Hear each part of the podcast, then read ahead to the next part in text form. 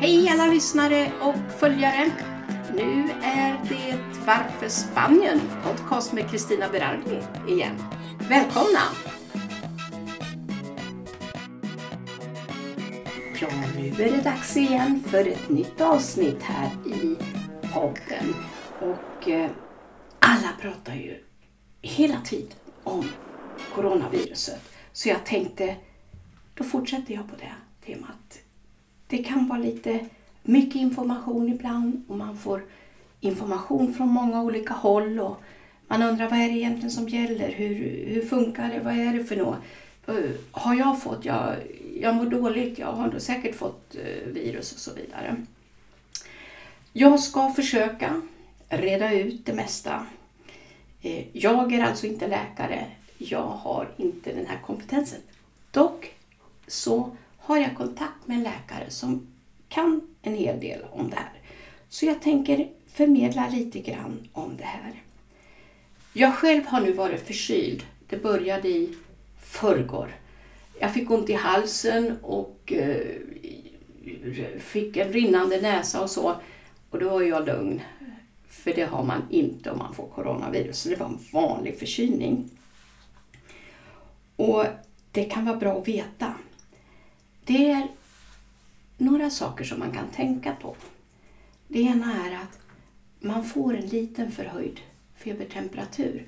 Normalt brukar vi ligga runt 37, 36, 8, 37, 37, 2. Men det kan ge lite förhöjd feber, kanske 37,5, 37,7. Man får torrhosta. Och det vet man ju det är när man hostar torrt. Och sen kan man så i tredje steget, då kan man få andningssvårigheter. Då har man de tre tydliga symptomen för att kanske man har blivit infekterad av coronaviruset. Vi har ju också hört att viruset tål ingen värme. Och det finns olika förklaringar till varför det har brutit ut så mycket i Iran, norra Italien och eh, även eh, mellan och norra Spanien. Och tydligen så är det en kombination av lite lägre temperaturer mellan 11 och 15 grader som det har varit under den här perioden när coronaviruset bröt ut.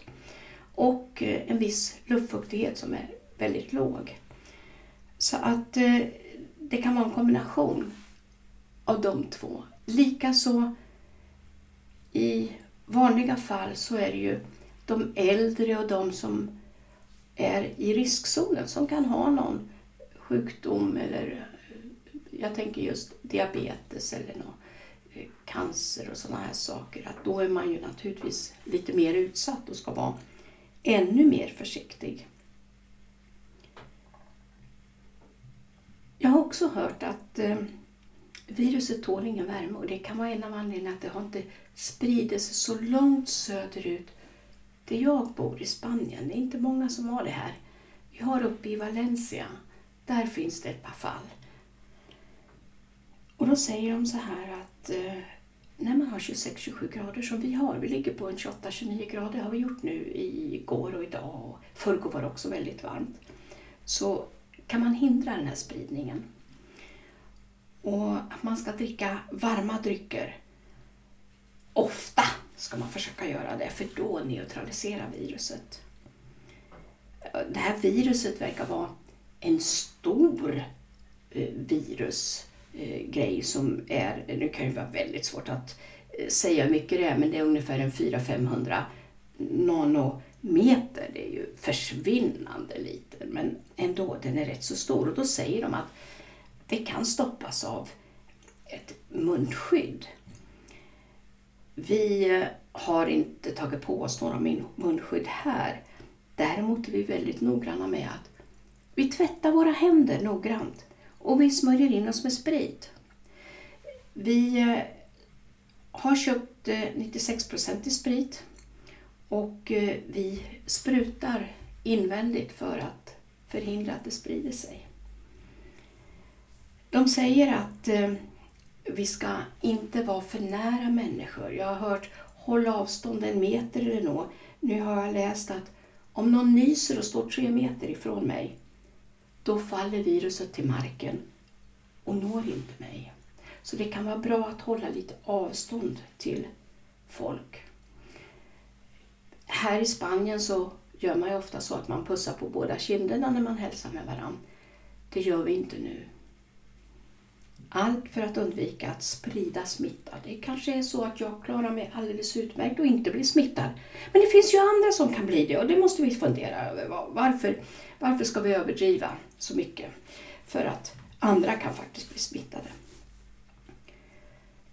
Jag har också hört att eh, på metallytor så kan viruset faktiskt överleva i 12 timmar. Det är ju då som jag tänker på, eh, i dörrar har vi handtag, elapparater, ni vet det finns mycket på bussar där man håller i sig och på tunnelbanor och sådär. Därför är det extra noga om man rör sig ute i de här områdena. Tvätta händerna, halva armarna och sen så tar man sprit. 70% i sprit ska det vara för att det ska döda. Det finns ju också virus faktiskt i våra kläder. Och där kan de leva i 6,5 timmar. Men om man tvättar dem, då dör de. Så om man har kläder som man inte kan tvätta eller som inte tål vattentvätt kan vi säga. Då kan man ha dem ute i solljuset, här ute där det är så varmt där vi är. Då hänger man ut kläderna och solen strålar, då dör de. Många säger att det sätter sig i halsen och symptomen varar i tre, fyra dagar. Ja, jag har hört annorlunda. Så det viktiga är väl bara att eh, man måste se till att om man får andningsproblem, då måste man uppsöka sjukhus eller ringa till läkare. För annars kan man få lunginflammation och då måste man eh, inandas syrgas för att förhindra att det blir slem i lungorna och man på så sätt blir ännu sjukare. Och eh, det här att eh, där jag bor nu, där har man sagt att träffas inte. Alla möten, ställ in dem. Alla fotbollsmatcher, alla de här karnevaler och eh, parader och fester som nu ska gå av stapeln. Ställ in dem. Vi ska inte utsätta varken sig själv eller någon annan för för att bli smittad av viruset. Vi har ju en administratör för vår organisation. Det har gått ut meddelande att nu kan vi inte träffas på kontoret deras utan nu får vi ta telefonen istället. Så det är viktigt att eh, respektera det här. En del säger men det skiter väl jag i, det är väl inget farligt. Nej, det kanske inte är farligt för dig, men tänk om du råkar smitta någon annan. Är det inte då bättre att ställa in ett möte för att undvika det.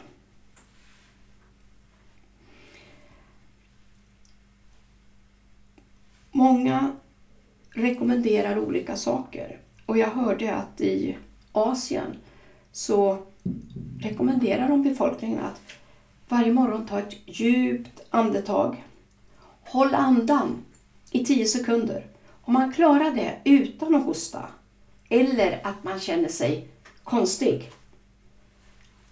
Det vill säga att man får något tryck över bröstet eller så. Då tyder det på att man inte har något coronavirus i sig. Det som är viktigt är att hålla munnen och halsen fuktiga så att vi ska dricka vatten eller hålla oss igång hela tiden så vi inte torkar ut. För ju torrare det är, ju kallare det är kan man nästan säga, så kan det bli mer av viruset. Igår morse då var det 47 dödsfall i Spanien orsakade av coronaviruset. På kvällen när jag gick och la mig var det 55. Sen har det inte blivit några mer. De har blivit isolerade. De flesta utbrotten här i Spanien är faktiskt i Madrid. 60 procent av utbrotten är i Madrid. Och sen finns det i Roja-området som ligger nord, nordöst om Madrid och likadant i något som heter Vasco Pais.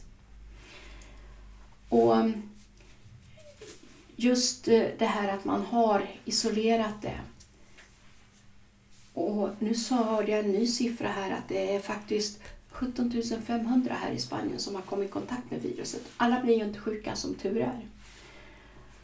Och likadant hörde jag att eh, det är inte bara det här geografiska läget i de varma och kalla zonerna som kan göra att det blir eh, en förvärrad situation. Det är också åldern, det vet vi, det har vi tagit upp. Så att det kan vara en förklaring om man tittar på Asien och sen så tittar man på vad som hände i Italien och det är det som händer nu i Spanien. Jag hörde också att några länder, bland annat USA, har sagt att de tar inte emot flygplan från Europa längre. Det ska tydligen vara det under en månad nu. Vi får väl se vad det innebär. Eh, likadant eh, är det en del som säger nu vill inte vi åka till Spanien. Vi vill inte ha något flygplan till Spanien. Det här får ju enorma finansiella effekter på hela samhället. Det är inte bara flygbolag, resebyråer.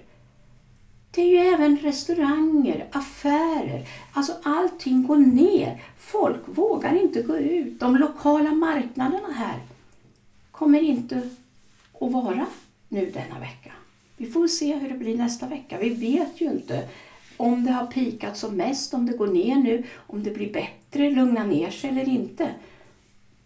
Men allt det här som drar folk, det ska ligga nere.